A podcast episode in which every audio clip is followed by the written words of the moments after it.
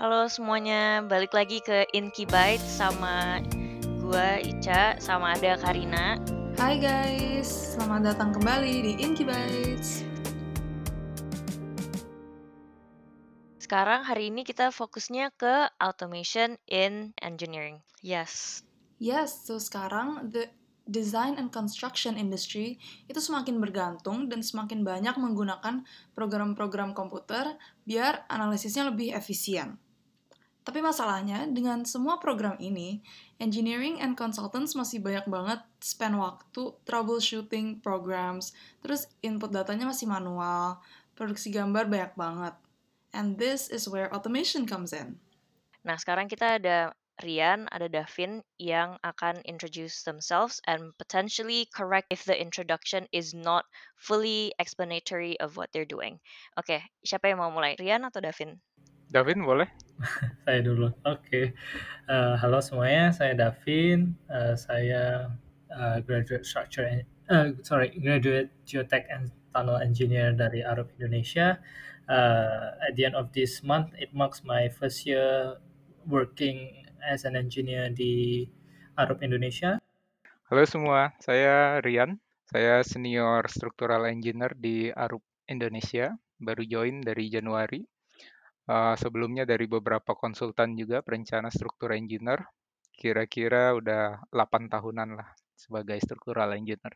Oke, makasih ya Rian dan Davin hari ini udah ikut um, podcastnya. Nah, first question nih, automation in engineering. In summary itu sebenarnya apa sih dan kenapa sih kita harus pakai automation? Automation itu metode kita gimana caranya buat explore lebih jauh mengenai tool-tools yang udah ada untuk mempersingkat waktu ya. Fungsi utamanya itu biasanya satu itu untuk streamline proses. Jadi antar tiap-tiap software itu kadang-kadang nggak connect nih. Jadi agak kacau hasilnya. Nah, itu ada butuh beberapa kerjaan manual dari engineer yang ngabisin waktu. Nah, ini kenapa kita butuh automation, yaitu gimana caranya kita uh, upgrade lagi kemampuan-kemampuan software tersebut supaya bisa connect bareng-bareng. Nah, kalau misalnya dia bisa connect bareng-bareng itu menghindari manual proses hingga bisa mengurangi error dan mempersingkat waktu. Itu fungsi dari automation. Selain itu juga uh, beberapa hal-hal lain yang uh, masih manual itu juga bisa kita manfaatkan di automation ya. Sehingga uh, beberapa hitungan manual di kertas itu udah mulai ditinggalkan dengan automation ini. Masalah toolsnya apa ada banyak, terutama sih programming. Cuma sekarang yang lagi booming dan populer itu Grasshopper dari Rhino 3D. Oke, Oke, jadi supaya make things clear, pakai automation itu kan pas lagi ngedesain infrastrukturnya nih. Dan biasanya tuh dipakai buat what type of infrastructure sih? Can we just use it on any kind of buildings, any kind of bridges, or like what's the limit?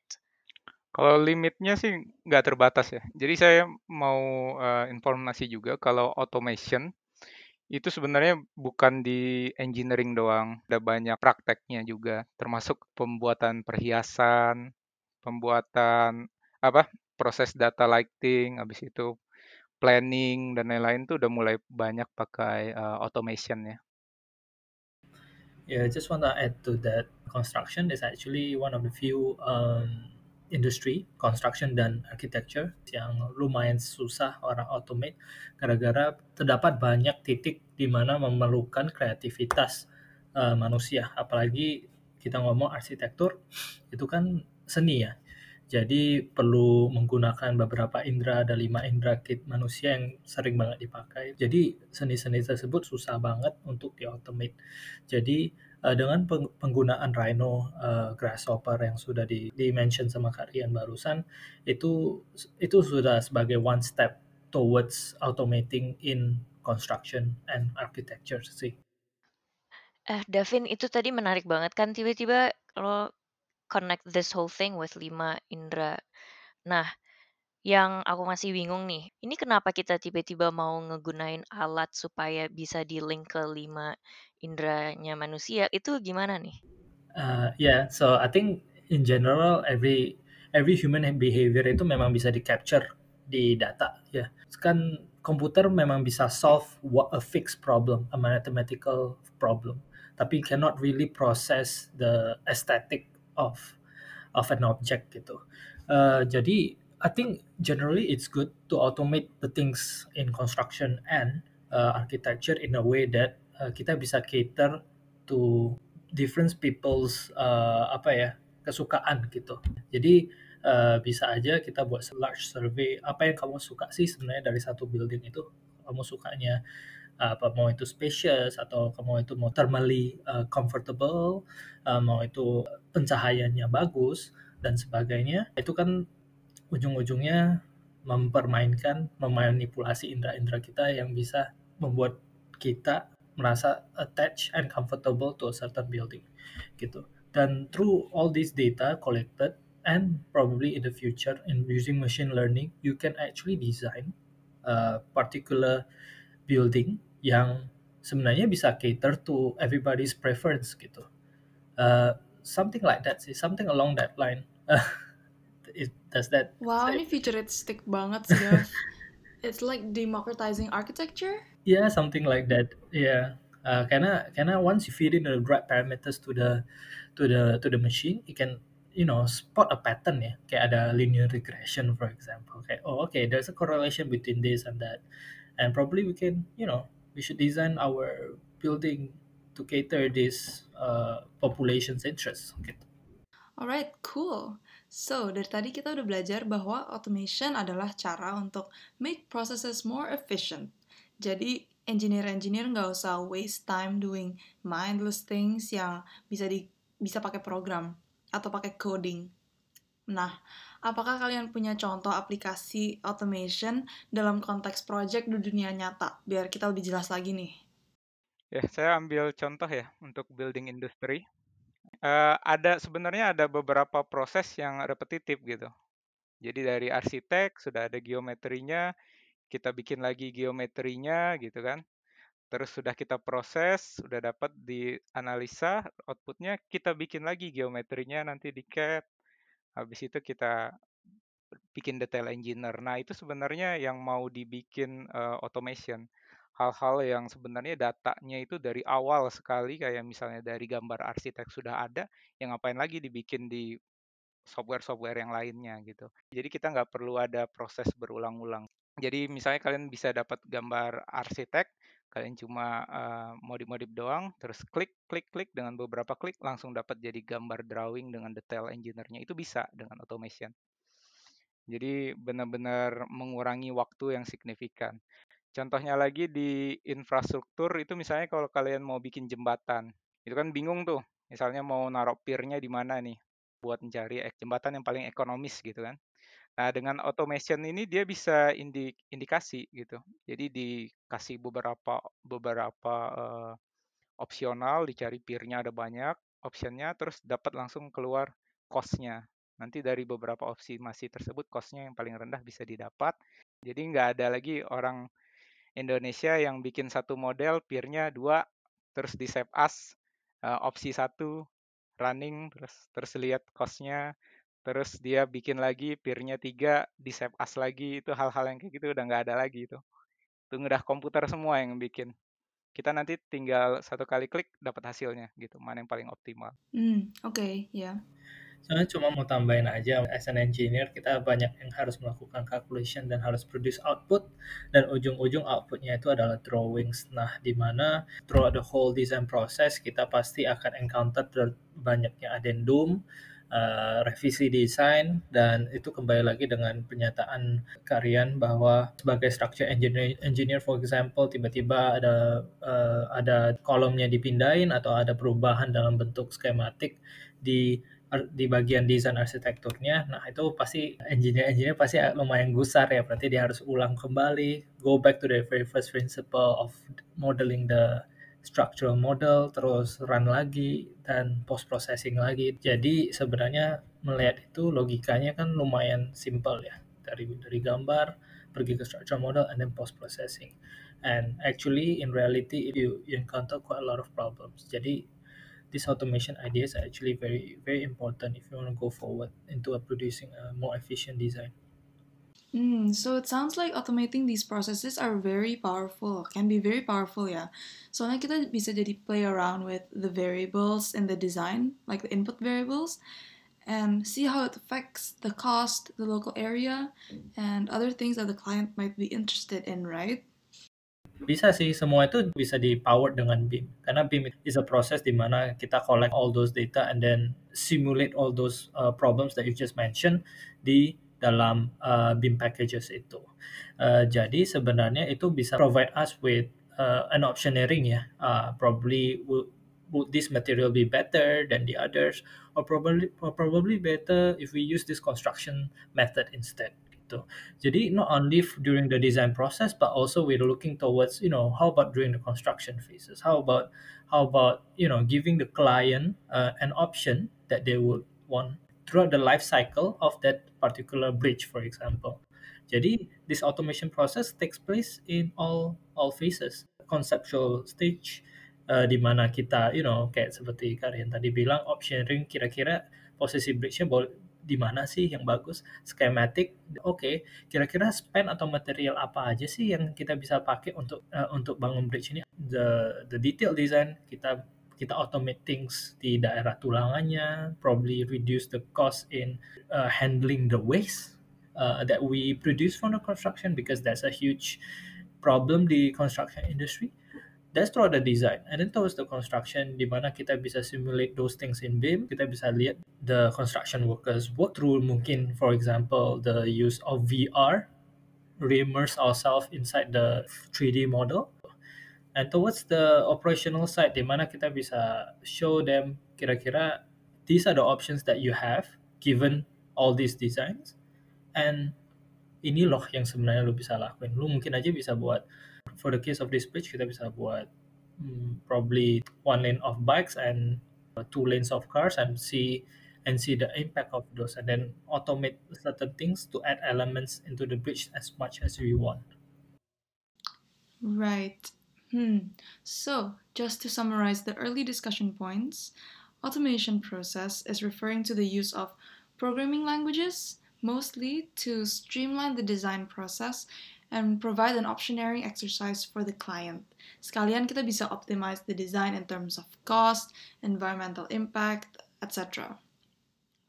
And it seems that the industry is slowly be adopting these automation techniques karena dia bisa mempermudah kerjasama dan komunikasi antar perusahaan, antar klien lah, desainer, kontraktor, semua sekalian dia avoid modeling mistakes, construction mistakes in the future, and avoid data transfer errors in between softwares. So I think it's really um, cool, and I think there's a lot of potential for it in the future. Um, ja, shall we move on to the next question? Nah, my next question, there's model versus reality. Kalau misalnya kita masukin sesuatu ke model kan selalu ada discrepancy-nya against um, what is actually happening in their location and stuff. How what kind of discrepancies yang biasanya ada and resulted from automation and how do you mitigate it probably? Yeah, mungkin uh, just to come back to the previous point, kenapa we sort of kind of need automation uh, is partly because kita kan as an engineer uh, creates a lot of output. Yeah. In most of our times is what we did was troubleshooting the actual problem inside the software packages gitu. Jadi oke, okay, this tiba-tiba uh, softwarenya nggak ngeran nih, kita cek dulu. That was a one day of work, for example. Tiba-tiba with the process of this automation, we speed up the process, but as as well as we improve our quality assurance. Nah, uh, coming back to your point, apa aja sih yang sebenarnya kita encounter? Uh, in most cases, gara-gara uh, incompatibility of different software packages, we need to troubleshoot certain stuff as well. But that's more towards the software, software and software interaction problem. Uh, it seems from from my experience, troubleshooting that issue itu bisa di resolve dengan some programming skills. Ya, yeah, jadi kalau kalian sudah sering juga ngerjain proyek, nggak ada yang satu kali desain langsung selesai ya. pasti akan ada ditemukan masalah juga di proses konstruksi dan ini yang paling umumnya terjadi. Nah, ini yang merupakan salah satu kelebihannya kalau misalnya kita dari awal sudah pakai automation. Saya ambil contoh nih, misalnya kalian mau bikin uh, proyek warehouse baja misalnya. Terus tiba-tiba kalian ditelepon sama kontraktor, dibilang kolom ini nggak bisa di sini, dia harus dipindah, digeser 2 meter gitu kan. Itu kan kalau misalnya kita manual kan kita harus lihat lagi model strukturnya, kita pindah, terus kita cek lagi satu persatu. Habis itu gambar harus kita ganti lagi manual. Itu kan butuh waktu ya. Terus sementara kan construction kan pengennya cepat terus. Nah, kalau dari awal kita udah pakai automation, itu gampang. Dari struktur modelnya itu kalau misalnya kalian geser sedikit 2 meter, langsung bisa keidentifikasi antara mana aja bagian-bagian uh, strukturnya yang jadi kritis dan bisa dibandingin sama yang dulu. Jadi bisa ada warningnya nih, elemen-elemen mana aja yang perlu diganti dan lain-lain. Dan dari situ, dari perubahan itu langsung generate gambar struktur. Prosesnya bisa uh, motong waktu banyak ya, dan kontruk kontraktor senang itu. Hmm, yeah, okay.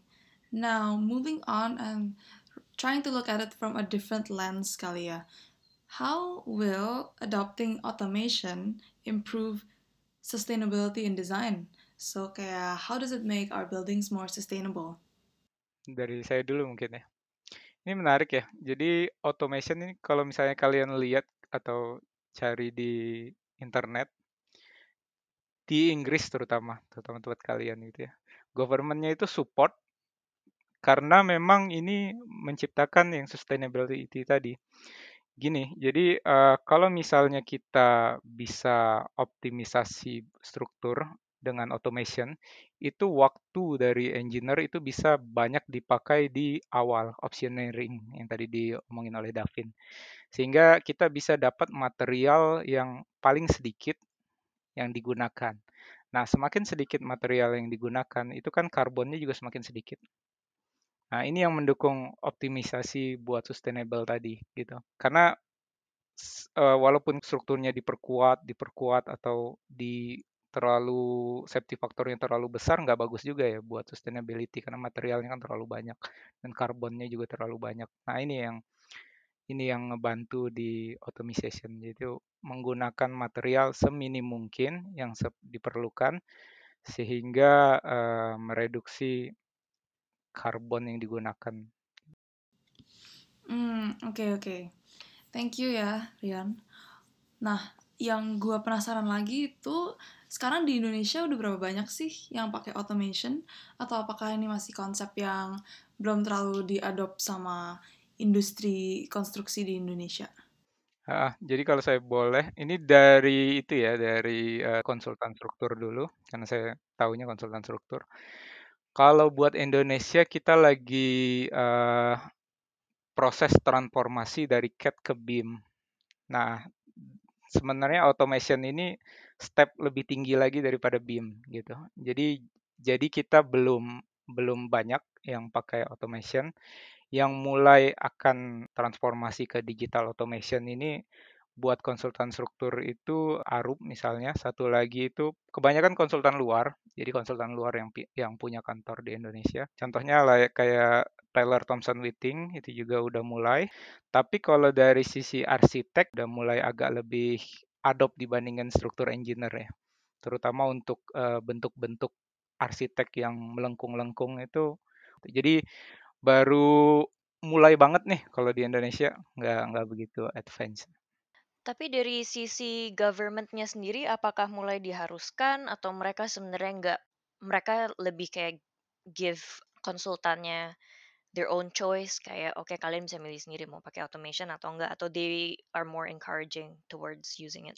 Kalau uh, kalau dari Indonesia ini kita step-step ya. Kita nggak bisa langsung uh, kita force semua kontraktor, semua konsultan harus tiba-tiba langsung automation enggak. Tapi kalau sekarang saya lihat dari governmentnya juga udah mulai meminta konsultan maupun kontraktor ke BIM. Ke BIM dulu nih, belum ke automation dulu. Tapi kalau misalnya untuk klien dari internasional memang udah lebih terbuka ya. Cuma kalau untuk pemerintah saya sepakat sih lebih baik step-step dulu gitu. Berarti lebih kayak kalau menurut Rian lebih harus step by step mungkin karena apakah ini karena kekurangan knowledge di government about automation atau lebih karena Iya, apa? kalau misalnya saya lihat sih memang kurang ini ya, kurang sosialisasi ya.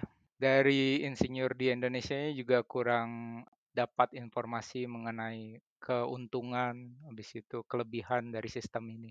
Tapi ya kita ke depannya pasti akan mulai ya. Iya, cuman mau nambah aja kenapa mungkin Indonesia agak pelan ke menuju ke arah BIM karena ujung-ujungnya mengarah ke cost ya. Dan di Indonesia kan lumayan kompetitif tuh untuk dapat sebuah proyek. There ada ada juga um, konsultan-konsultan kecil mereka bisa propose a work yang bisa implikasi ke costnya itu jauh lebih dikit dan in most of the cases they have a lot of they have a lot of engineers yang bisa melakukan output dengan cepat tanpa automation or beam driven environment. Jadi at, mungkin itu juga harus disosialisasikan ke ke klien-klien juga bahwa penggunaan BIM ini bukan hanya sekedar untuk get the job done, get the buildings constructed gitu. Karena it goes more than that if you want to go uh, towards looking at operational um, uh, efficiency seperti itu. Sepertinya semua orang sudah uh, sepakat bahwa BIM is the way forward. Uh, cuman ya mungkin ke ujung-ujungnya itu adalah ke cost itu. Yes, gue relate banget karena dulu gue pernah magang di konsultan struktur kan di London, spesialis gedung high rise gitu. Dan salah satu kolega gue dulu tuh spesialis Grasshopper, which is this programming language and software. Dan dia udah mulai bikin database automation tools. Waktu itu dia tuh lagi minta perusahaannya buat budget R&D biar dia bisa mengembangkan lagi kan tools ini. Tapi perusahaannya reluctant to spend this money karena ya mending dia ngerjain project yang bisa di-charge ke client. And I think this is a problem when companies nggak mau spend upfront cost to invest in people so they can learn automation and learn these new skills. Um, so yeah, what do you guys think? Ya, yeah, iya yeah, benar. Jadi uh, kalau automation itu melibatkan banyak programming ya. Jadi tiap case bisa beda-beda buat bikin toolsnya itu. Nah itu memang benar di awal tuh untuk bikin toolsnya itu investment times-nya itu memang gede gitu. Cuma nanti bisa kebayar kalau misalnya ada repetitive project yang mirip-mirip juga, misalnya sama-sama building gitu yang toolsnya bisa dipakai atau sama-sama proyek jembatan atau MRT itu karena kita tiap-tiap proyek waktunya bisa man hour-nya bisa turun akibat tools ini ya nanti kebayar juga early investment untuk bikin toolsnya. Cuma sayangnya ini yang belum dilihat ya Nah, kalau okay. gitu, oh sorry David lanjutin dulu. ya, yeah, again itu more towards kayak uh, sekarang is very, is very competitive to get a particular project. Uh, jadi I think client will like to be able to be given options gitu dan automation itu kalau memang sudah matang ya itu we can create multiple different scenario yang sesuai dengan kebutuhan dan kesukaan klien tersebut gitu and itu bisa menjadi satu driving factor untuk konsultan-konsultan ke depannya menerapkan inisiatif automation ini bisa jadi leading uh, consultant in the field gitu. Kalau gitu nih, kalau misalnya kalian dikasih chance untuk ngasih elevator pitch ke potential client, ini bakal gue kasih waktu satu menit nih. Siapa yang mau ngasih elevator pitch ke klien supaya bisa convince mereka untuk pakai BIM walaupun kayak kalian costnya lebih tinggi. Ayo siapa yang mau mulai? Kalau soalnya kalian lebih tahu sih dari saya. Jadi kalau misalnya uh, klien bisa pakai BIM ya, itu bagus banget. Kenapa? Karena bisa menghindari uh, masalah masalah yang nanti muncul kalau misalnya di lapangan ya. Jadi uh, cost early investment itu lebih bagus buat BIM walaupun uh, lebih besar mungkin, cuma menghindari kesalahan-kesalahan yang nantinya malah bikin cost juga. Itu sih. Oke. Nah, ini tadi ngomongin kesalahan-kesalahan nih. Kesalahan apa aja sih yang mungkin kejadian emang kalau misalnya kita nggak pakai BIM atau automation, kalau misalnya kita terlalu banyak manual labor? Hmm. Jadi uh, kalau misalnya ini kasus misalnya building project ya, building project. Jadi arsitek bikin gambar sendiri, MEP bikin gambar sendiri, struktur gambar bikin gambar sendiri gitu kan.